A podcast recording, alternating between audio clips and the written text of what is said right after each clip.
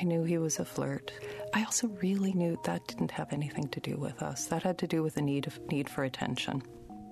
Did that feel did you feel embarrassed by it? Of course. Of course. But it would pass quickly.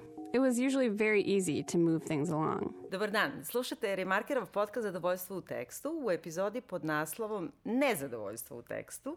Ja sam Biljana Srbljanović na društvenim mrežama Biljana Keller. Ja sam Nikola Ljuca na društvenim mrežama Nikola Ljuca, što je počelo dosta ljudi ovako kad me sretne da mi govori, to mi je zanimljivo. Nikola Ljuca, Nikola Ljuca. Nikola Ljuca, Nikola Uh, za početak samo da kažem da je prošlonedeljna, prošlonedeljna epizoda ovaj, našeg podcasta sa, sa Stašom Bajac na društvenim mrežama Stasa Bajac bila stvarno super i praktikovat ćemo tako da malo izmešamo karte, da dovedemo i neke e, druge go, gostujuće a, koautore.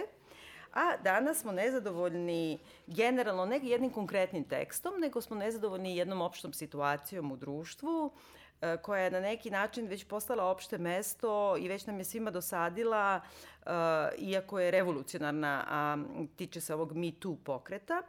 Ali e, nekakav odgovor ili manjak tog odgovora, posebno u našem društvu, ili neka vrsta konzervativnog odgovora je ono što izaziva poprilično nezadovoljstvo s moje lične strane i samo nezadovoljstvo u tom sad već širenju teme od toga da već se kao pravi amalgam između napastvovanja, haresovanja, silovanja ili sama neke vrste pritisaka, pa čak i verbalnih samo i da ljudi nekako počinju kao da se, da budu zasićeni, pa kao onda odbacuju celu tu priču, pa sam time, dakle, nezadovoljna.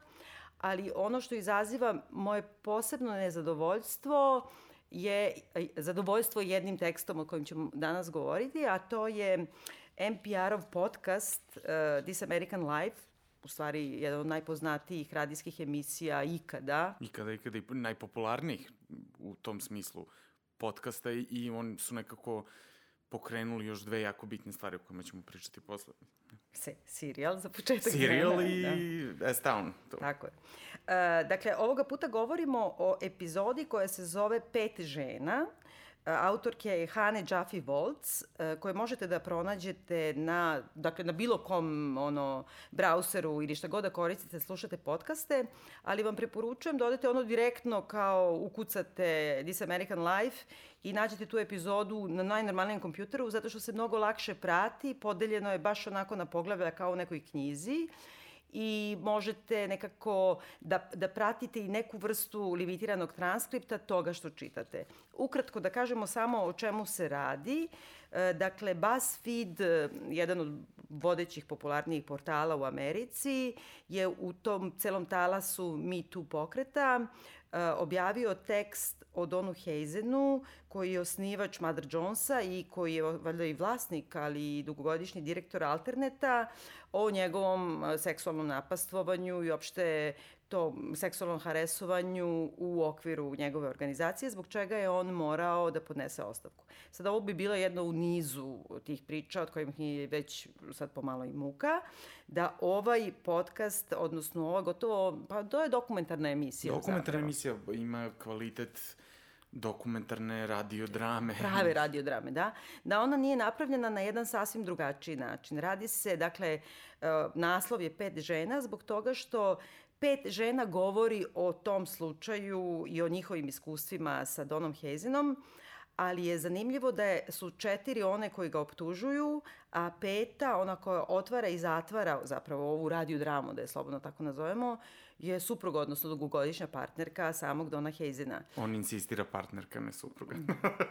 e, I sada po prvi put mi se čini da imamo taj neki drugi pogled, bar čujemo glas, ako ne, ono, do sada smo samo ono kao advokati ili kao pismena izjava PR-a, partnerki tih ljudi koji su optuživani za napastovanje ili bilo koju vrstu seks, seksualnog napada, a ovoga puta čujemo i njen glas i njenu ispovest i nekako to je ono što mene tu u stvari najviše uzbuđuje i, i najviše uznemirava. Ma, apsolutno, od prvih tih uvodnih kad to krene i kad si samo te postave u to, ti sad slušaš što je žena tog čoveka.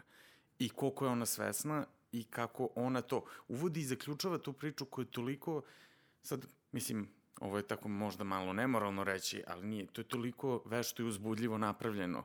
Mislim, ti, ali ni u jednom trenutku nije, ne osjeća se da, da, da su te priče zloupotrebljene, nego su izvučene u najboljem mogućem kontekstu, ali opet je napravljeno na jedan način koji je beskreno zanimljiv i uzbudljiv slušalcu, jako težak na trenutke, je preemotivan, što oni negde naglase na početku da imaju psovke, da, možete, da može cenzurisana verzija se sluša drugde, da, da, da, kao ovo je ovako, idemo do kraja, sirovo to što je. Mene to fascinira negde kao umetnika, uopšte kao nekog ko, ko ima problem sa dokumentarnom formom, generalno, tom realističnom dokumentarnom formom, baš zbog toga što ti kad uzimaš nečije priče, koja je tvoja pozicija, koliko ti iskoristiš tu osobu zarad svoje slave i svog nekog uspeha i baciš nečiju životnu priču tako, a znaš što, ono sad neko ide i snima ljude koji umiru negde i tako u nekim mentalnim bolnicama, onda ide po festivalima i pije šampanjac i i priča to, priča o svom iskustvu. Ili u kraju slučaju su siromašni, žive vrlo prekarno i onda kao oni se užasno sažaljevaju nad njima i onda dobije... Ili to tako, e, danci i kanadjani koji se bave e, genocidom u Indoneziji, ko razume, shvatit će na što misli. To me posebno nervira, to poseban hejt prema Joshua Oppenheimeru, dobro, nećemo o tom. Ali u svakom slučaju našim slušalcima da kažemo da uh, ne pomisli nijednog trenutka da je ovo, baš da istaknemo to, da je ovo samo jedna u nizu tih kao novinarskih priča, nego zapravo uh, nekako, kako se plete ta dramaturška struktura njihovih ispovesti, te žene govore pod svojim imenom i prezimenom i svojim glasom govore, u tome prednost zapravo radija. Uh, oni vas zapravo uvode u taj svet kako se ta tanana linija između toga da li je to flertovanje, da li je to nabacivanje, da li je to nepristojno ponašanje, da je to staromodno ponašanje. Staromodno, no, jako bitno, da. Pre, pre, pretvori u nešto da ti sam sebe kao žena, sama sebe počeš ono da sumnjaš u to da li ti preteruješ ili s druge strane da se osuđuj, osuđuješ samu sebe zbog toga što si svestan toga, ali ipak to koristiš za napredovanje u karijeri. E, sad, ovaj slučaj je, dakle, zanimljiv ne toliko sami fakti, pošto oni u suštini nisu tako strašni, ali o tome ćemo posle malo više razgovarati, e, nego ta struktura sama, ali e, da povežemo i sa jednim događajem koji je takođe na neki način parakulturni i, i veoma eksplicitno politički, koji se E, dogodio protekle nedelje i ovde i koji je izazvao buru reakcija upravo od intelektualaca u raznim medijima, a to je slučaj e, ovaj, e, na kako se kaže to završnom ono konvenciji ili ne, da brojanju glasova. Izbornoj noći, mislim, Tako je, na žurci, po, da, da, žurci, da. Ovaj, e, političke grupacije Ne davimo Beograd čiji je jedan od podržavalaca bio Nenad Johnny Racković, umetnik, koji je izvršio seksualno napastovanje na jednu od aktivistkinja pokreta i to pred svima na bini popio pesnicu u glavu i otišao odatle i uh, sutradan je Ne davimo Beograd napravio uh, jedan statement e, za medije gde je tražio ovaj, sve galerije i svu javnost, intelektualce da osude i da ne sarađuju više sa Johnnyem Rackovićem i to je izazvalo onda s druge strane da se razni drugi ljudi jave i ogrebu malo za trenutak te polemike i slave i krenu da ga brane. Ogrebu. I sad to je korišćeno na različite načine, baš to. Ko se tu koga ogrebao? I tu sad ima gomila nekih tekstova oko toga i činjenica i onako bluruju se stvari šta je silovanje, šta, zašto nije zvala policiju, da li žrtva ima pravo da se žali, a da ostane anonimna. Do toga to je šmekirsko ponašanje starog Beograda, pošto evo ja baš koji nisam iz starog Beograda znam to da vam kažem i tako dalje.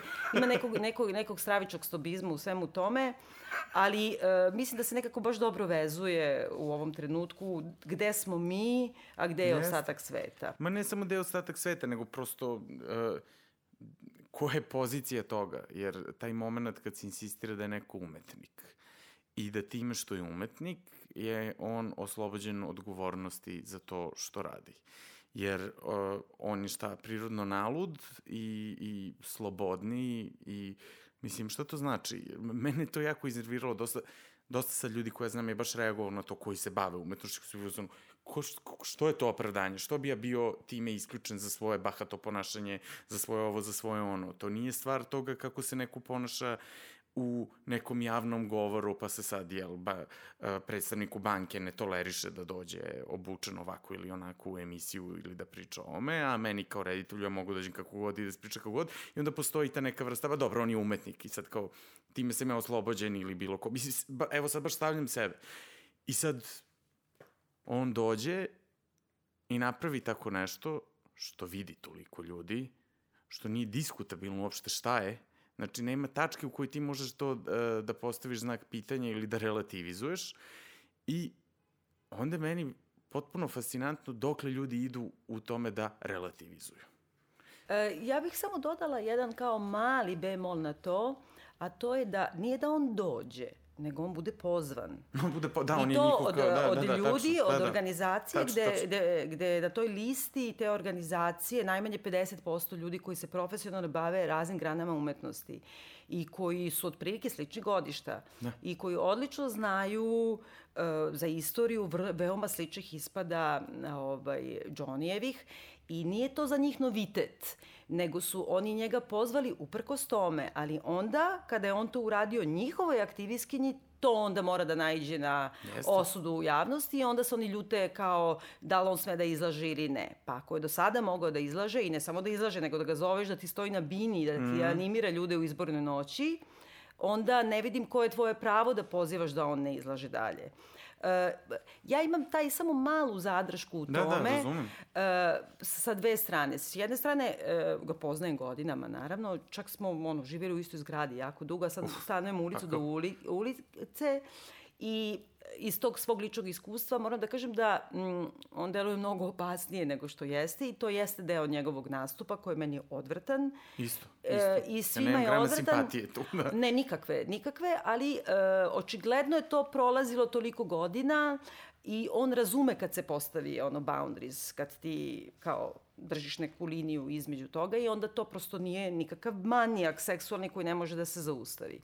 S druge strane, e, postoji jedno veliko nepoštovanje prema pre svega ženama i muškarcima. Tako se ponaša, koje njega prati i to je ta vrsta nekog incidentnog ponašanja. Ja ponavljam, uprkos tome ga je jedna emancipovana politička grupacija pozove da im on bude među njima. Sve znajući to. Da li to Zato znači... to- he. Eh, da li to znači da su ove prethodne njegove žrtve manje vredne jer nisu iz te partije? Jer nisu nikad izašle na taj način javno, jer ovo je taj trenutak u kome ljudi jel, govore bitne stvari i mnogi se grebu na različite načine. Ali to što nisu izašle javno, to samo govori o tome da nisu imale nikakvu aparaturu. I da li je moguće Koje da ti moraš da da, se, da budeš deo elite, pa i političke elite, da bi uopšte imao priliku da te neko zaštiti od toga, da te Johnny simulira guženje na sred scene u ono izbornoj noći gde ostali broje glasove. Meni najbolje u svemu tome je što mu je ta riba ono pesnicu u glavu. Dakle, nije branio ne, nijedan svaka je čast. muškarac, da, da, nego da, ga je zapucala. Meni je to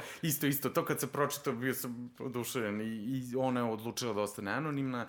Ona je dala jedan intervju jako dobar, za jedan jako dobar tekst koji je Vuk Bošković To je jedini dobar tekst, to je Jeste, fenomenalan o, sve- O, tekst. svemu, pa zato što je tu rečeno i zato što je to pisao neko ko stvarno zna tu materiju i šta se sve dešava u ovom trenutku i kako to teče. I, mislim, mene ono što ne, e, od, od, od, mislim, od kako je krenulo sa Weinsteinom i sve, taj moment, ali to je daleko od prvog puta. Daleko svima. Svi to rade godinama unazad i to svi znaju. I taj moment te javne tajne i, i, i toga dokle to ide, mislim, ovo je sad jedan trenutak u kome se te stvari negde čiste i ispiraju, a neću sad da širim, ali prosto taj, taj konsenzus u kome se e, javnim ličnostima tolerišu takve stvari i to poznavanje svega i baš to, nemanja trenutka e, zaštite u kome ti možeš da izađeš i, i nešto da kažeš. Osim, u stvari, nemanja e, to aparature, sredstva i to. Ovo je sad trenutak u kome to može. Pa sad, kao marketinški trik, kao ovo, kao ono, ali Pa šta opet... god, brate, uhvatiš opet- jednostavno taj talas i onda se izboriš za ono, pa to je ista stvar sa kao i, uh, ovaj terminom African American, to je Da. ono, samo su onaj Jesse James je ono svoje ručno odlučio da početkom 90-ih gura, gura, gura, gura Da, da. i sad je to postalo kao jao, sad je kao baš fora u Francuzi, znaš kako oni kažu, black. Oni naš ono, Namerno. koriste namerno, ali kažu, ne kažu noir, Da, nego da. kažu black. Da. Znaš, i to je kao užasno šik način da kažeš ovaj, crnac, ali u svakom slučaju, koliko god da ti je to odvratno ili politički korektno, ti u jednom trenutku moraš da iz, iz, prosto progutaš tu odvratnost da bi postala neka, neki pozitivan rezultat. Međutim, meni je u ovoj celoj a, aferi oko toga da li umetnik ima pravo tako da se ponaša ili ne, ipak najodvratnije je to šejmovanje žrtve Jeste, i pa to što uvek. oni govore što ona nije zvala policiju što ne izađu u javnost. Prvo zato što neće da izađu u informeru na naslovnoj strani, da se život pretvori u pakao. Jer to je bolno. Priznavanje takvih stvari je bolno, ima terapeutsko dejstvo ako je urađeno na način to da stvarno ti time nešto pokreneš iz sebe, jel, očistiš, ali to je ponovo, to je jedna vrsta retrau, retraumatizacije ipak. Ma i ne samo to, nego ko je naš ono, legislativni okvir? Ti zoveš policiju i kažeš uh, uvatio me za sisu. I koji je to policija? Šta će onda napiše tu? Mislim, koji je Da, to zakon koji će tebe da zaštiti od toga, osim što će taj neki u pisarnici, u toj policijskoj stanici odmah za 5 evra da zove kurir i da da to isto.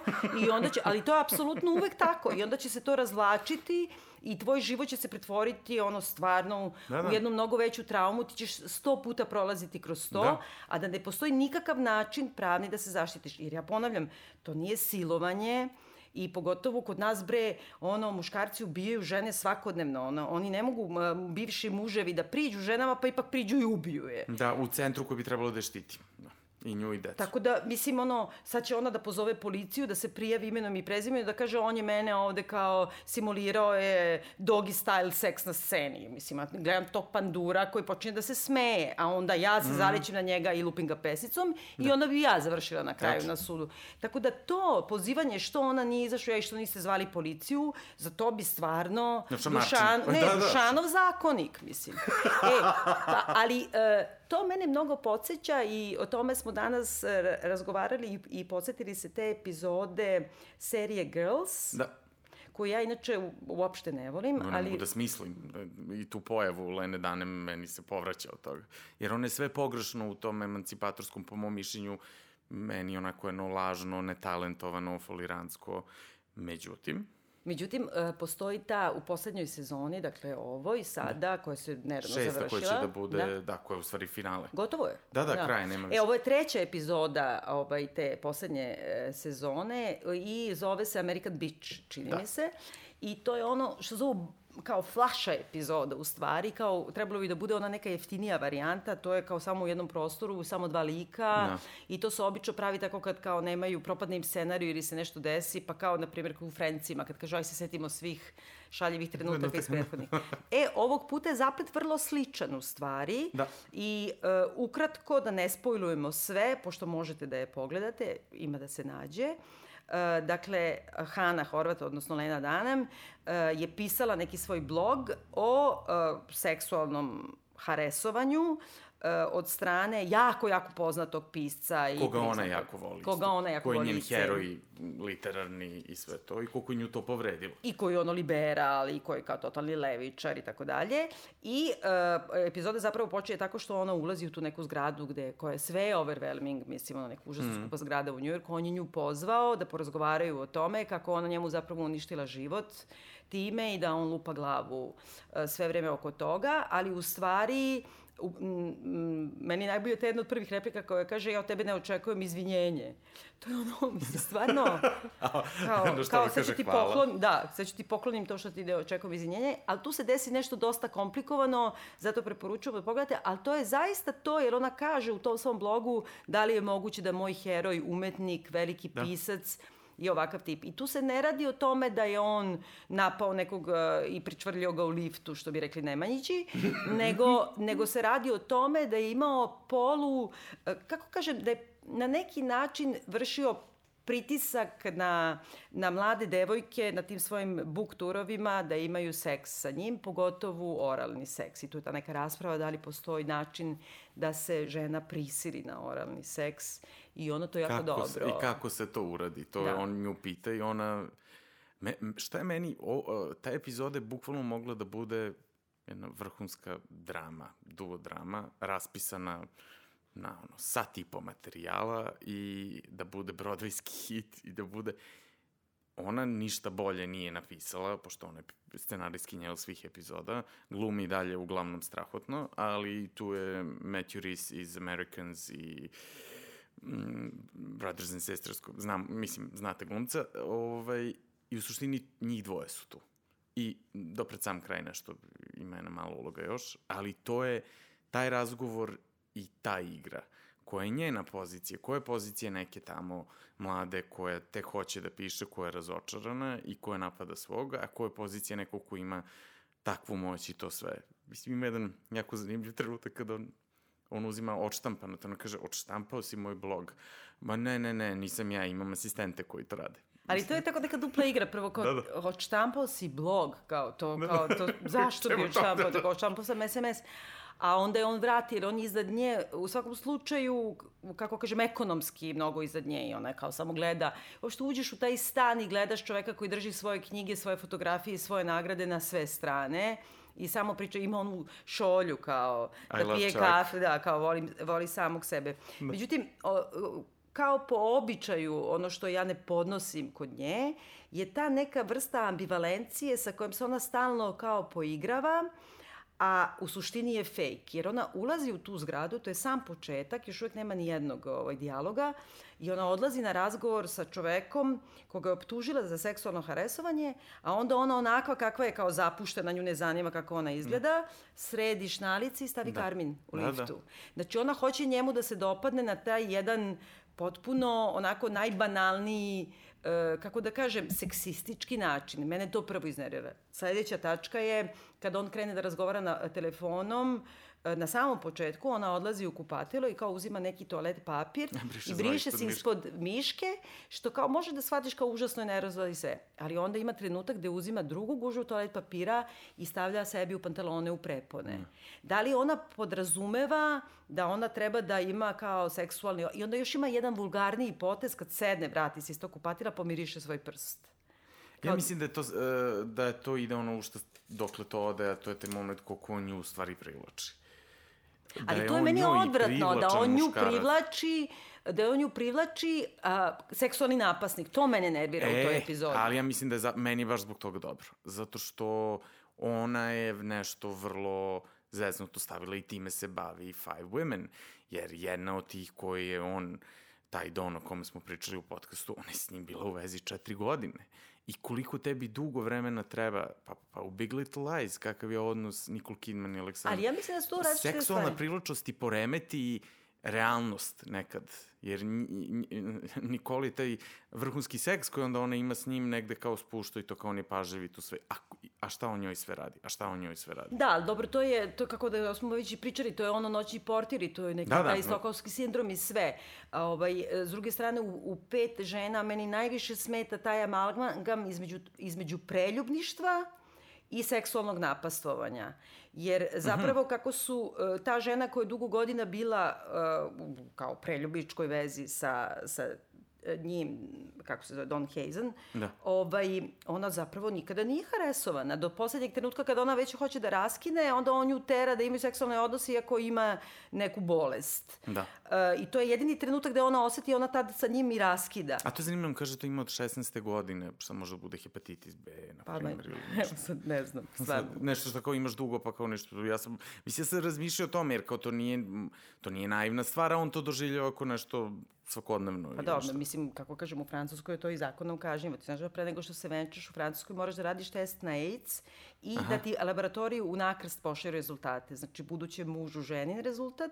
Uf, da, oni su to obavezno, da, zbog toga što uh, sve ok, super, ali ti moraš da super. da obaveziš svog partnera, pa mm. posle taj partner neka odluči Naravno. da bi dobio dozvolu za venčanje. A to mi je nevjerojatno da su došli dotle za pa da, dozvolu. Pa, pa Francuzi. Ali, uh, s druge strane, spomenut ćemo ponovo Francuze koji ovaj, su duplo golo vezano u ovom MeToo pokretu zbog toga što su ove poznate Katrin. dive, Katrin Deneuve i Brigitte Bardot pre svega, potpisale to otvoreno pismo protiv MeToo pokreta na neki način, pozivajući se na to da će to sada kao uništiti flertovanje mušku galante, ga, kako se to kaže na srpskom? Da, da, galant, galantnost ili galanterija. Meni galantnost, ja tu uvek vezujem zore oglase masaža za galantnu gospodu.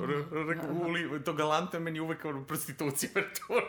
Ali, mislim, Francuska ima tu dugogodišnju liber terijansku, ne znam sad da, da sam dobro rekla reč, da. kulturu i oni zaista, kako da kažem, flertuju svuda i uh, imaju neku vrstu, ti kad, bre, kad se upoznaš nekim ti se ljubiš. Ti Meni je to bilo smokneš, strašno da, da. uvek, uopšte kao ono nemoj ono, ja sam osoba koja ne volim da me neko dodiruje, a kamoli da se cmačem sa nepoznatim ljudima, a ti kažeš dobar dan, ja sam Biljana. Smok, smok. Na- I onda kao... Nije tri put, viš ti tri put. Da, si zavisi gde. Ima u unutrašnjosti, da. Rade tri puta Novi u unutrašnjosti. Aha, zanimljivo, dobro. I ovaj... I, to je nekako, uh, na primjer, Amerikanci su to uvek gledali sa neke visine. Sad ja stalno pričam svoje privatne priče, ali dakle, heroj, jedan od heroja ovog našeg podcasta je moj viši muž Gabriel. I on je ovde bio, znači, on je diplomatan, ali je ovde je bio pred sam početak bombardovanja, uh, bio je zamenik one čuvene verifikacione misije na Kosovu, koje je vodio onaj Voker koji je doveo zapravo do bombardovanja. I, znači, Amer je bio tamo praktično sa zadatkom da izazove to bombardovanje, a ovaj moj Srba je bio sa strane da nekako to zaustavi. I dobro, on je ozbiljan diplomat, ja se malo zafrkavam, ali u svakom slučaju uh, imali su strašan kleš do toga da je to bilo i javno i Da. u OEPS-u, je to bila OEPS-ova emisija i tako dalje. Glavna stvar uh, po kojoj je on, Voker, uh, komentarisao uh, Kellera je bilo zato što svaki put kad dođu na te sastanke stafa, Gabi se ljubi. sa svim, ono. I onda ovaj svaki put govorio, mislim, ako smo završili sa dodirivanjem žena, a ovaj je bio toliko šokiran time, jer je njemu to bilo kao da nisi rekao dobar dan. Da, da. S druge strane, Gabriel je svaki put bio apsolutno šokiran time što kao Voker uz jelo pije Coca-Colu. I to je, ti sad vidiš neku tu, ti vidiš, ali do te mere da je pisao u knjizi o tome, da kao... I onda ti vidiš da tu sad zapravo postoji zaista sada je anegdotski, anegdotski kad kažeš. Ali to što su govorili Brigitte Bardot i Katrina Nev, to je desničarska, fašistička pozicija Marine Le Pen i krajnje desnice u Misliš da Francuskoj. je Katrin Denev desnica? Katrin Deneuve je jedna veoma, veoma konzervativna osoba koju, sa kojom sam večerala i čak i putovala Wow, jednom. wow. Imam i slike. I stalno se hvališem time. Ja sam bio u četvrtom redu kad je otvorila fest. Da, ona, mislim, ali znaš da je ona na festu tražila, insistirala da je predstave kao gospođica Katrin Deneuve. Aha, da. Zato što, uh, ono, suprotno Nemačkom, kad napuniš 18 godina ti si gospođa, jer niko nema pravo da te pita tvoj bračni status. Da, da. Ona pripada toj old school Da, da. e, Francuskoj, hoću sudam još jednom. Da, Prema tome, moraš da znaš, kao kod nas na svadbama na reveru levom ruzmarin, slobodan si, na reveru desnom. I e, čak, se, čak i ona reterirala iz, iz toga, jer je i ona toliko tak staromodna, stara, stara, stara škola Da. razmišljanja i ona je u jednom trenutku shvatila da se povezala zaista sa krajnjom desnicom, ali u ovom tekstu odbrane ovaj, Johnija Rackovića, Gorče Stojanović je to apostrofirao i rekao Manite se opre Winfrey. i kao poštujte Katrin Danev, da. uopšte ne razumevajući čitavu tu stvar i zapravo piš, pišući jedan prilično ogavan tekst e, koji čak nije ni odbranio ovog čoveka, nego je više Ništa. promovisao samog E, Stojanovića. ja ne znam čemu taj tekst služi, jer Pa šta on... da kaže da se ja sam on jedan, čovek? On je jedan, to je jedna količina besa koja tu postoji, koja se samo onako ispoljila. Besa zbog, ne znam, pozicije koju on ima. Mislim, ima ne, gomila nekih projekcija tu jako čudnih koje funkcionuju. Mislim, ja moram sad samo da se vratim negde. Mene mi tu nervira. Mene hashtag kultura nervira. Mene, Svi, sve mene nas nervira. Twitter izbezumljuje. Znači, mene, me- mene to sad, amen sister i to, povraća mi se od toga. Znači, Ali mi izvini, još mnogo više nervira onda kad ovih dođu iz korne, kon, kontre, e baš neću, kao vatanje da. za sise je deo stare beogradske kulture. Ma ko je, bre? Brate, uh, mislim možda to... Dobro, Nemoj, nemoj. Dobro. ne idi dalje. Ali e, ono što mi je zanimljivo bilo, mislim, taj tekst je zaista, e, na, e, Stojanovićev na, naišao na baš veliki odijum i nekako je bio super da je izašao zbog toga što su onda ljudi shvatili koliko je ogavan u stvari Rackovićev čin, koliko je ogavna i njegova odbrana. I šta sve se kao sakriva iza toga i kao staje u, u taj tabor. To je. Baš ta podela koja se tu Kao napravi. ti to- nisi cool, kao ti si mnogo kao amerikanizovan, ako misliš da nije u redu, da ti neko gleda u deholte, da ti neko pravi komentare na poslu, na bilo koji način. E, Parun je imao odličan tekst o celoj toj e, situaciji. Na jednom od blogova stavit ćemo u linkove. Međutim, ja sad opet Kad smo kod libertarijanaca, jel? Da, ali uh, ovaj, uh, Vuk Igor Torbica, reditelj, je takođe imao objavu na svom Facebooku i on je, čini mi se u nekakvom ratu vrlo otvorenom sa, sa Gošćom Stojanovićem oko nekih kakvih predstava. Zato ovo ima veze i pričamo sada, jer ipak su to ljudi koji se bave umetnošću i, i ratuju, ajde da kažemo, na Tako, nekim i u bifejima, Da. evo sad malo preko Facebooka, preko novina. I on je u tom tekstu svom napao jako Stojanovića i pozvao ga je da Na se duel. potuče na duel, da, i to kao drugi put. I on baš ima ono što se u Five Women spominje, a to je taj, za mene opet potpuno pogrešan nastup, kao da je ta damsel in distress, kao Da, hoće sad da sad spa... će da s- Dva muškarca će da se išaketaju da spasu jadnu ženicu. Mm. Ali e, uradio je to i onda je u drugom delu svog teksta uradio još jedan sledeći korak, ja mislim, u tom faux pas, a to je da autovao zapravo Gorčina, rekavši da je e, i on sam poznat po, sad parafraziram, po kao navodnom haresovanju glumica, a boga mi i glumaca. Glumaca. I ja mislim da je taj korak, tačan ili nije tačan, e, potpuno nekorektan, jer ti nemaš pravo da autuješ drugog Nikog, da. čoveka, e, bez obzira koliko ti je odvratan. Pa sad Ne, kao s jedne strane, sad ću te tučem ko pedera, šta? Mislim, to je u stvari poruka toga, šta? Ma nije, to je i... To je ego na ego. I sad će ovaj da bude veća faca na drugi način, isto toliko poprilično površan, kogod možda dolazi iz nekog dobrog stava, ali i, i to je osoba koja ne bi to uradila, ali mislim, e, dva pozorišna reditelja i se prepucavaju oko toga, pa to je kao... Ali to nije samo prepucavanje. Pa jeste, to je to. Pa Jasmina Reza zato toliko ima uspeha, zato što ona poznaje svoju sredinu, a to je ta neka kao intelektualna elita koja je toliko jadna Da, da. da se zapravo svađa oko toga tebi majka kurva ne, ali ti si peder. U stvari se svede Mm. na to. Ali e, super je u, ovim, u ovoj epizodi Girlsa, kada je on hoće da je poklopni onu knjigu Filipa Rota. Da, I koga kada ona ja kaže, obožavam, Da, da. koga svi obožavamo. I kada ona kaže, ja znam da je mizogin, znam da je seksista, ali ja ga ipak volim, ja ga obožavam, ne znam šta da radim. A onda je on kaže, uh, ovaj, ne treba politiku, ali ne politiku u ovom našem smislu, Da. nego kao tako, ideološka, ajde, shvatanja, mešati uh, i da ti odlučuju o tome koga ćeš da čitaš i koga ćeš da jebeš. Da. To je kao... I sad, ajde, šta ti misliš o tome? Ja, pa to je samo jedna tako catchy fraza i to vešti... Pa znam, ali ja i ti volimo Filipa Rota. Ja a- ga obožavam. Ali s druge strane uvek kažeš, ali znam, znam. A kao, šta, šta, šta znam? Stravičan mizogin tip koji, mislim, ono kao, ima svoje fantazije oko... Čekaj, ja obožavam Woody Allena. Isto. Ej, Romana Polanskog, tek. Takođe, Nećemo razumiješ? da... Znači, Jeste. ipak ti o tome ne odlučuje... Ne odlučuje, ne odlučuje pogotovo zato što, izvini, mi pričamo o Woody Allenu i Polanskom i Filipu Rotu, koji imaju jako kompleksne ženske likove. Jako kompleksne ženske likove. Ovo dvojica šta su radili, kol, mislim, prvo izbacivali su neke vrlo bitne glumice, glumce, ali baš to, ženski likovi kod njih toliko nisu jednodimenzionalni i imaju vrlo jake i zanimljive i lude i super ženske likove kao vodeće, kao vodeće i znaš, onda imaš taj moment da ti je teško da se tu odrediš, jer ja kad pomislim na to kao jake ženske likove, meni je tu i Rozmarina Beba i mislim, lupam, Blue Jasmine koja je luda, ali je to je jedna fantastična Jasmine je analiza. genijalno, Da, naravno. Ali s druge strane, čini mi se da Woody Allen opet u tom nekom svom strašno bolesnom umu zapravo ima jednu veliku manipulaciju, on pravi te savršene ženske likove, to uvek autobiografski, ajde, pravi savršene ženske likove, sebe autoironizuje do krajnje granice, a tebi na kraju bude jasno da on pravi te osobe. Da. Pa ipak on uzme onu uh, Muriel Hemingway koja ima tog trenutka, ne znam, 16 godina, Da. a on ima 45 i niko ne, u tom njegovom okruženju ne postavlja pitanje ni u narativu, znači ni u dijegezi kako se oni zabavljaju, a ni u meta.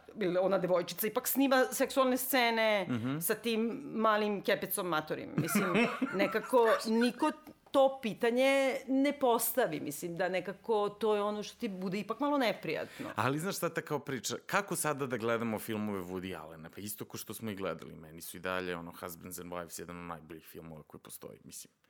I šta ćemo sad? Ja sam negde čitala u nekom francuskim novinama, prokušat ću da nađem i da zakačim celu analizu o tome kako pogotovo ovi filmovi koji nisu komedije, nego kao Match Point koji je, na primjer, meni jedan od najgenijalnijih filmova svih vremena. Ti kao te tragedije zapravo stalno pričaju njegovu priču kako pobeći, kako napraviti savršen zločin Da. i kako da te ne uhvate u tome. Jeste, Crimes and Misdemeanors. Tako je. Match Point. Cassandra's Dream. tako je. I, e, I zapravo da to, kad uđeš u to, to je zapravo kao njegova priča o haresovanju. Jeste, i zločin i devojčice, u Što ja kazna. ne verujem uopšte, inače, by the way. Pa ja ne znam, ja, ja nemam odnos sad tu, ja, ja niti živim tamo u tom gradu, niti znam ikog od tih ljudi da mogu, da imam odnos da sam čuo da mi je neko kaže se ovo, kaže se ono. Dobro, kad to gledaš te sad snimke, intervjue, kad gledaš ovu, sad ona je konačno progovorila, ova Dylan, da. Dylan Farrow, I uh, ja sam, dok je nisam videla, verovala u priču da je ona zaista haresovana. Onog momenta kad ti vidiš uh, jednu bucolinu namontiranu za taj intervju koja priča o svom slučaju o kome je pričala već 7 miliona puta, pa kao, da.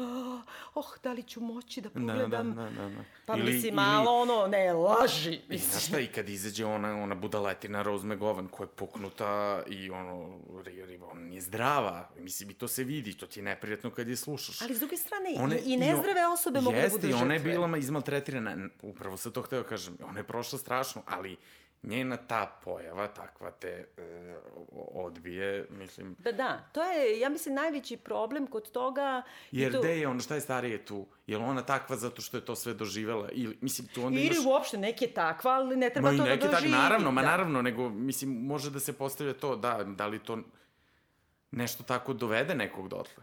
Mislim, Da, da, pa vrlo je ta moguće, vrsta mislim, traume. da, da, to je, to je zaista vrlo moguće i tu je zapravo i zanimljivo bilo da se pogleda i, i kako se Uma Thurman zapravo uključila u celu tu polemiku oko Harvey Weinsteina i ipak je ona onako igrala u tim svim filmovima Quentina Tarantina koji tretira ženu tako što je ono seče na komade, vezuje lancima ši, i žena opet pobedi na kraju, ali ona je mrcvarena do kraja. I onda je napisala baš oko nove godine taj... E, zapravo dala intervju i to je zapravo problem jer ga nije sama pisala za New York Times gde je govorila o svom iskustvu sa Harvey Weinsteinom i konačno progovorila ono što je kao stalno nešto aludirala kao nevesta iz, iz Kilibila naći ću te pa ću da te mm -hmm. roknem. Ali zapravo ispričala i to možete da pogledate, to je dosta zanimljivo jer postoji snimak, stavit ćemo link, kada je snimala upravo, mislim, Kill Bill 2 ili ne znam šta, kako je Quentin Tarantino haresovao i naterao je da vozi neku maketu Jest, od automobila da. gde se ona strašno slupala, ima taj sam snimak i sve. I sad, e, to stalno otvara ta pitanja zašto te žene su išle u hotelske sobe sa tim producentima i tako dalje, pa ti kažu, pa ako ću buš glumica, što nisi dala otkaz? Pa čekaj, ali da je radnica u pošti, da je tera direktor, Mislim, to je njen posao. I ona gleda da ne izgubi posao. Naravno. Što ima veće pravo da se žali radnica u pošti nego glumica. Što ima veće pravo ružna žena nego lepa. Apsolutno. I tu se te neke stvari, čini mi se, baš dosta mešaju. Ali, e, htela sam samo da te pitam e, šta misliš o ovome što mene najviše zapravo uzbuđuje u, u, ovoj, u ovom podcastu Pet žena, a to je sama reakcija, dakle, njegove partnerke, odnosno supruge, e, ona, o, ona zna, ona čita sve te tekstove mm -hmm. i sasluša intervjue svih mm -hmm. tih um, žena, nju najviše pogodi ovo što je on imao ljubavnicu. Da. Ja, to je, e, to je ono, to je ono što bi Katrin da ne, jel, pripada drugoj školi. To je to. Mislim, a to je meni potpuno nevjerojatno. Tebe je... ne pogodi to što je on haresovo klinke čoveče. Mm, ono, ali to govori o njoj i o njenoj majci i to, tome što je ona slušala od svoje majke, od svojih roditelja, u što je ona ukalupljena i... Pa da ti kažem nešto, ja sam crnogorsko dete, sigurno nisam slušala nešto od svojih žena, mislim, ali s druge strane da mi neko sada donese dokumentarni snimak toga kako je moj partner Haresovo decu, a da mene sekira što je on imao plus i švalerku, šta, malo bi se pravda. napucali, a? Sebe ona pravda. Pa ja sam znala, pa ona na sam, ona pa počinje sa tim, pa jao, moj Don, on, on je flertuje. Ta, on je flertuša, on tako malo se pretera, znam ja to sad, pazi, mi smo svi čuli takve stvari. Malo flertuša, to su svi oni. Dobar, on nikad mrava ne bi zgazio, on zadavi celo selo i pobije, mislim, bio na ratištu. I to, e, to su ti likovi i to su te, te te nesrećne osobe koje su zaglavljene u, u takvim odnosima zato što su naučene i nisu imale trenutak da se emancipuju. Ne, ali dobro, to je, način. dobro, ona je, mislim, i veoma obrazovana osoba A to mi priča. Da, da, znači kad pričamo to o Five Women, znači to je ono kao liberalna Amerika, vrlo. Znači, Mislim, mene u suštini najviše nerviralo kod te američke politike porodiče, oko toga što su se političarima mešali od Billa Clintona, ne spominjam dalje, da, da. da su oni preljubljici ili nisu. Dokle god je to dragovoljno, da. šta me boli uvo, ja uopšte neću da se bavim time. Da, da. A, ali i dalje u, u tome postoji od najelitnijih tih liberalnih krugova do nekih najnižih, najprimitivnijih, da ipak žena tu kao je heroj što ostane sa njim. Jeste, pa da. I e, na neki način ove su ga izazivale. Jeste, pa Zar to ne? i Hillary koristila, kako ona ipak ostala uz Bila. Oni su izmrcvarili onoliko ovo Moniku Lewinsky. Lena Dunham stala pored nje i to, i fotkala se pa, da. sve, pošto ona, jel, pošto je Hillary Clinton do juče ultrakonzervativna, e, sad kao velika liberalka i to. E, za mene je isto jedno, onako, moj Crash, Secret Crash, nije ni toliko Secret Crash, je ona Huma Abadin, koja je kao ona prvi aid u stvari, yes, Hillary Clinton, koju ona obožava na milione načine. I ona imala onog svog ovaj, muža ovaj, Vinera, e, koji je bio onako shooting star političke scene baš te liberalne i koji je ono nešto tvitovao greškom sliku svog penisa preko gaća. ali umesto pošalje privatno... Po... Pa, debil, čekaj, treba da vidiš, ja stavit ću mu link, ima da se gleda, dakle, dokumentarac u svemu tome. I to je strašno uzbudljivo, zbog toga što je on, dakle, uradio, to je predistorija, on je uradio to, umesto da pošalje privatnu poruku na Twitteru, on je on poznati političar da, da, da. i kao to je video tog trenutka 200 miliona ljudi. On je to brzo obrisao, pa je prvo negirao i na kraju je morao da da ostavku kao kongresmen ili ne znam sad da, da, da. da bodem. I onda su napravili čitavu jednu mašineriju toga da ga tokom dve godine povrate uh, ono, u milost i da ga kandiduju za gradonačelnika Njujorka, gde je on imao ogromne šanse i postao užasno popularan. A ona, Huma Abadin, koja je izuzetno inteligentna i sve, ti vidiš u tom dokumentarcu, oni su pustili ove ljude da im uđu gajbi, da im budu baš muva na plafonu, ti vidiš da je ona pristala na to, zato je to potresno, jer e, misli da to doprinosi tom rehabilitovanju i što negde veruje da se on potpuno, da je to bio incident. I tokom tog kandidovanja njega provale da on to i dalje radi. Da, pa to je. I to je taj to je to. slom te Aha. žene, Aha. to je Good Wife serija da, da, jest. i to je, uh, to je tako uzbudljivo da gledaš. to je Good Wife i dobra žena Mire Karanović na neki drugi Tako način, je. ali to je taj da. odnos prema, mislim, muškog, ženskog, da. I to je od tih najviših krugova intelektualira do toga kod nas, evo, mislim, ako uzmemo najveći treš od treševa, reality, na primjer. Da. I ti sad imaš ovaj reality veliki Pinkov zadruga, da. gde je zapravo uh, i dalje, uh, znači tamo ne znam šta sve ima i nema. Ima sve. neka što je trudna, ima, mislim, svašta tu ima. Ali i dalje je najomraženija uh, učesnica koja se smuvala sa tipom koji je oženjen. Da iako su se oni autovali i ovaj je valjda zatražio razvod, sad baš ne znam detalje, ali oni se ništa ne kriju. Ali uh, ona je preljubnica i ta činjenica da je preljubnica je, je gora od svega ovog drugog. Jeste, jeste, onda oni imaju one tu sudove, ono nešto kad stanu, pa sad oni tu diskutuju ti si bila u prljavim gaćama tad i tad, ali ti, ti, da, ti ali si ti si preljubnica, da, da, da, da, da. I onda to mi je zanimljivo da se to zapravo ne menja ni klasno, ni, ne, ni ne. kulturološki, ni nište, u suštini. Čak... Uvijek može na to se izvuče. Da, i nekako i taj trenutak, ta rečenica u, u ovom podcastu kada ona uh, supruga, mislim se zove Vivian, je li tako? Žena njegova kad da, kaže valjda, da, da više gledali, sećam ovde. Da. Gledali su neki kao, nemam pojma, neki stari film crno-beli i kao ona je videla scenu u kome, ne znam, taj glumac drži kao svoju da. ženu, ne znam na koji način zagrljenu i ona ga je pitala jesi ti nju držao ovako zagrljenu i kao rasplakala se, tu su ljubavni, su nema veze ove što je. Da, da. A onda on kaže nisam i ona je odlučila kao da ostane sa njim. Naravno da je držao tako zagrljeno. Da, kako bi... drže gore. Ne postoji sto načina da držiš zagrljeno. Jel tako? tako da, mislim, mnogo je zanimljivo to zato što nekako otvara ona neka najdublja kao Ana Karenjina, mm -hmm. ono, kako kažem, narative Ali ajde da podsjetimo ovom prilikom, već smo jednom pričali, Purity Jonathana Frenzena. Tako je, da. Već smo pričali više puta. Ali Frenzen je uvek za svaki dan. Ovaj, kako je on analizirao te stvari. A se sećaš šta se njemu desilo kad je on uh, napao Twitter? I to sve da, da je ona, ona trešarka, ona američka Isidora Bjelica, Jennifer Weiner, ovaj, nešto tu njega napala, ti imaš sve r, mogućnosti i, i to sve i ti sad to, ti pljuš mene zato što sam žena i zato što nisam uspešna ko ti, ono isto prodaje bestsellere, samo nije cenjena ko ono, ona, jako popularna su film, romani ekranizovani u neke odvrtne filmove i to sve, ali mislim koliko se uvek neko ko je na taj način oštar muškarac na poziciji, uvek može da potpadne i to je taj moment što kao Katrin da ne uzme pa brani pa pogreši.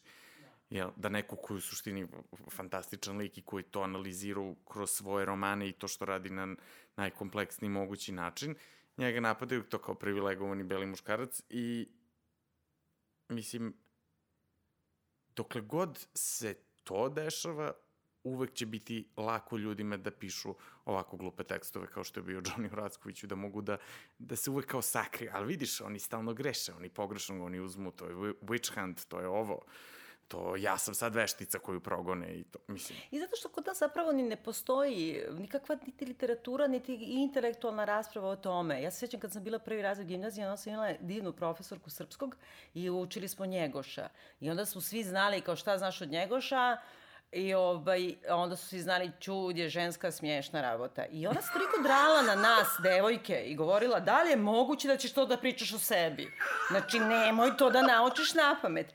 I onda, e, ovo citiram zbog toga što je baš u svetlo ovih dana za 8. mart, dakle, ovaj, naš ministar za rad, socijalna Uf. pitanja, boračka, znači onaj koji treba da se bavi zaštitom žena i mm -hmm. ravnopravnošću, čestitom ženama 8. mart rečima ovaj, Jovana Dučića, koja je glasa ovako. Žena ne zna da poštuje, nego da voli. Žena ne treba ni da je vi poštujete, nego da je volite. Sve žene vole bogataše, jer je žena uvek sirota. Pametnik se boje, ona uvek podagne jačem, a ne lepšem i umilnijem ni boljem, ni milijem. Od poziv na dvoboj, od to sve. Ja, to tako. je potpuno iz tog mozga. Ja mislim da sam ja neka vlast, a ne ovih 0,2. Ovaj čovek bi izgubio građanska prava, a ne ministarsko mesto. I e, mogla bih se kladiti da, da e, na primjer, Stojanović ga ne brani samo zbog toga što to nije sad kao fancy u nekom njegovom svetu, ali da je ovaj tip, na primjer, ono, gitarista u bivšem punk bendu, da. dobili bismo neku da kolumnu da objasnimo... Da bi bio opravdano, da, da, da. Tako da, uh, koliko god Absolved, da... da ne mogu se nađem um, pravo reč na srpskom, mi pada to na engleskom, da, ali od, od toga što radi katastrofa. Zvučimo malo kod tesna koža. Ali užas, pa zato što, znaš, kao, toliko stvari mi čitamo na engleskom jer nemamo na srpskom i onda znaš, zaglaviš se u nekoj terminologiji na koju u principu jel čitaš samo na engleskom. Sve ovo što o čemu pričamo je nekako i dalje oni najviše se time bave, mislim. U svakom slučaju nekako imam utisak da uh, ljudi treba malo da raščiste sa tim uh, kao da im se smučilo i da je to pomodarstvo i da se ne radi tu o kvotama, pa ajde nagradimo žene reditelje ili samo zato što su žene. To mene nervira, da. mislim, ja od, od, od toga ludim nego nekako da se malo dublje pročačka ta sama tema da li e, politiku uključuješ u svoju seksualnost i u ono što svoju umetnost ili ne, da li je to uopšte odvojivo i zašto kod nas nema više pa to, tekstova umetničkih koji se bave tim temama. I ne samo to, nego ja bih dodao nezadovoljstvo tekstu, zadovoljstvo tekstu, ali to kad ti izađeš i tako nešto kažeš na jedan način ozbiljno nekim ljudima koji će da te ozbiljno zaštite i to što ti kažeš da prenesu u potpunosti i da time nešto pokreneš, a ne da lupiš hashtag i ispričaš neku glupost koja je poluistinita pa nekog ocrniš ili šta već. Tu se nešto dešava, mislim, ti, i, ta oralna ja. Ja prvo, na primjer, uopšte ne bih žela, kao, kao i svaka žena ovde, Uh, mislim, mogla bih hiljadu od sitnih stvari, od usputnih ono, uvreda, napada, Dobro, očešavanja koje... po busevima, do dan danas ono, uh, potpuno neprimerenih uh, reči i rečenica od kolega ono, u mojoj 150. Da. godini života. Ali uh, nisam takva ličnost da uopšte želim da prolazim kroz tu traumu, uh, da prosto prepričavam takve stvari e, i na neki način uopšte ne osjećam da time e, kao ja oduzimam o osnaživanju devojaka, Uh, nekako imam utisak da je to neko pomodarstvo. Ne znam šta bi dobile time da im ja sada pričam svoje neko iskustvo. Ima neka vrsta emotivnog nudizma u tome. Mislim da je bolje da govorim ovako... Pa nije, to, to znači ako tebi će to da znači. Pa ne, ako znam, ti iskreno ali... imaš potrebu da se oslobodiš jer osjećaš, jer imaš teret, jer, jer imaš nešto, to tome služi, to je neka vrsta, to ima terapijsko dejstvo, ali ima terapijsko dejstvo kada ćeš ti time da raskrinkaš jedan sistem koji to radi kontrolisano kao što je u Vajsu šta se sve dešavalo u američkom, mislim, to, to su bitne stvari. Kao što je to ipak za Weinsteina, jer je to, to jeste njega, ali i ceo sistem time se nešto napravi, a to sa ti te neke sitne, pa da. mislim to možeš da koristiš kao... Ne, kom, ja mislim da si ti potpuno pravo, to ima terapeutsko dejstvo za te ljude, ko, za te žene koje se osjećaju osnaženi da tako govore, ali s druge strane ja ne mislim da bih ja osnaživala time isključivo što bih davala sobstveno iskustvo, već naprotiv ne treba im i to je ovo što se svi ljute što ova devojka nije ispričala šta se desilo. To je ono gori details, ti hoćeš kod neki kao snaf da, porno. Snaf, Gde te uvatio, da. pa kako te uvatio i tako dalje. To, to Kroz to bi ona i prošla kod pandura. Zato ona i neće da ide kod... Naravno, ona bi morala da tako to da ispriča, da. Sto ljudi je videlo da me napaslo. Šta te boli uvo kako me napaslo? Bilo je on, seksualno napastovanje i ćao, nema šta da pričamo dalje o tome, da bi ti meni poverovao. E, do toga ja mislim, i moj je princip takav da onda neću ni da ulazim u detalje, nego ovako generalno da tupim žene, vaša tela su vaša i niko nema pravo ni da vas pogleda ukrivo, a, a kamoli da vas dopadne. Jel možemo nešto iz grčko-rimske mitologije da Izvolite. dodamo? ne, ne, nemam, ja nemam, neko kao, imali ja, smo ovo je bio neko best of da. kompilacija stvari koje stalno... koje stalno spominjemo. Da. Pa moramo da kažemo našim slušalcima da ja pišem jednu dramu i da malo ne znam gde se nalazim, a da ti isto malo radiš jedan svoj isto veliki posao. Da. Tako da ovaj, nismo baš toliko obsesivni u praćenju, a i nema nešto tekstova. Mislim, prošao, prošli Oskar i prošao Fest. Da. Čekamo da se sad pojavi baš nešto mnogo upečatljivizma. Mislim, ima sad tu nekih uh, zanimljivih i filmova i serije koje su se pojavili, za, uslovno rečeno zanimljivih, meni nezanimljivih, pa to... Pa dobro, ima svašta, ali, ali e, polako. Mislim Treba da je i trenutak ovo, da dođe. Da, da, ja mislim da je ovo dosta važan trenutak, da ne razgovaramo tračerski, kao I da smo nego... se pozabavili podcastom. Da, Mislim, drugim. E smo se lepo odbranili. Eto. Sad znate zašto, zašto ste da slušali. Dobro, hvala ti na ovom razgovoru. Hvala tebi, prijatno. Prijatno.